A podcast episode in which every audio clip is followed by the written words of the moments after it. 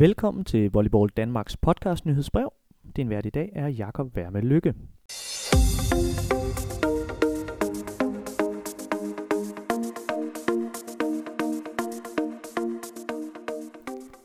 Vi begynder med et farvel. Efter 28 år i Volleyball Danmark stopper sportsdirektør og landstræner for de danske volleyherrer Michael Trolle. Siden 1990 har Michael Trolle været en central figur i dansk volleyball, hvor han første gang blev landstræner for herrelandsholdet. I alt har Michael Trolle stået i spidsen for Danmark i 342 kampe. Han har også været sportschef, sportsdirektør samt chef for EM i 2013. Formand Erik Jacobsen. Altså, du har selvfølgelig været med til at præge øh, udviklingen, både ja, primært på eliteområdet, kan man sige, for der har du været med til at ændre øh, øh kulturen øh, fuldstændigt i volleyball fra, fra hvad den var i, i 80'erne. Øh, men du er jo også på det ledelsesmæssige plan og i, i forhold til øh, udviklingen af organisationen omkring øh, volleyball, øh, været en central person. Du har drivkraft på, på EM i 13 og en hel masse andre store events, som, øh, som øh, volleyball øh, i Danmark jo har haft stor glæde af. Så du har sat et kæmpe fingeraftryk. Selv siger Mika Trolle dette om sit stop i forbundet. Og det, der har været skægt ved at være i volleyball, siden jeg startede i, i 1990, har egentlig været, at det ikke har været det samme job. Altså hvis det nu havde været det samme job i alle de der 28 år, så tror jeg, at det her sæsonskifte, det var kommet væsentligt tidligere. Men det har jo været en fantastisk rejse med nogle øh, vanvittige udfordringer undervejs, både på godt og ondt, vil jeg sige. Altså, det har også været sindssygt hårdt at stå fremme, både at, at, at tage det øh, og være bølgebryder i nogle sammenhæng, men også kunne gå forrest. Øh, og øh, jeg er sådan dybt taknemmelig over at, at, at have fået alle de muligheder, der er ligget i det. Du kan høre hele podcasten med Michael Trolle og Erik Jacobsen inde på volleyball.dk eller SoundCloud, hvis du søger på Volley Talk.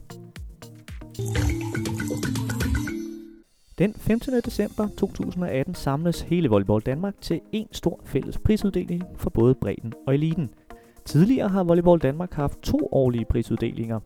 Dansk Volleyball Gala i forbindelse med Final Four og årets ungdomskåringer i forbindelse med repræsentantskabsmøde. Nu samles de to prisuddelinger og bliver til Dansk Volleyball Award, som afholdes den 15. december 2018 i Idrætshus i Brøndby. Billetsalget er åbent. Samme dag som Dansk Volleyball Award er der pokalfinaler. Traditionen tro samles 8 af Danmarks bedste hold og kæmper om at blive dansk pokalmester.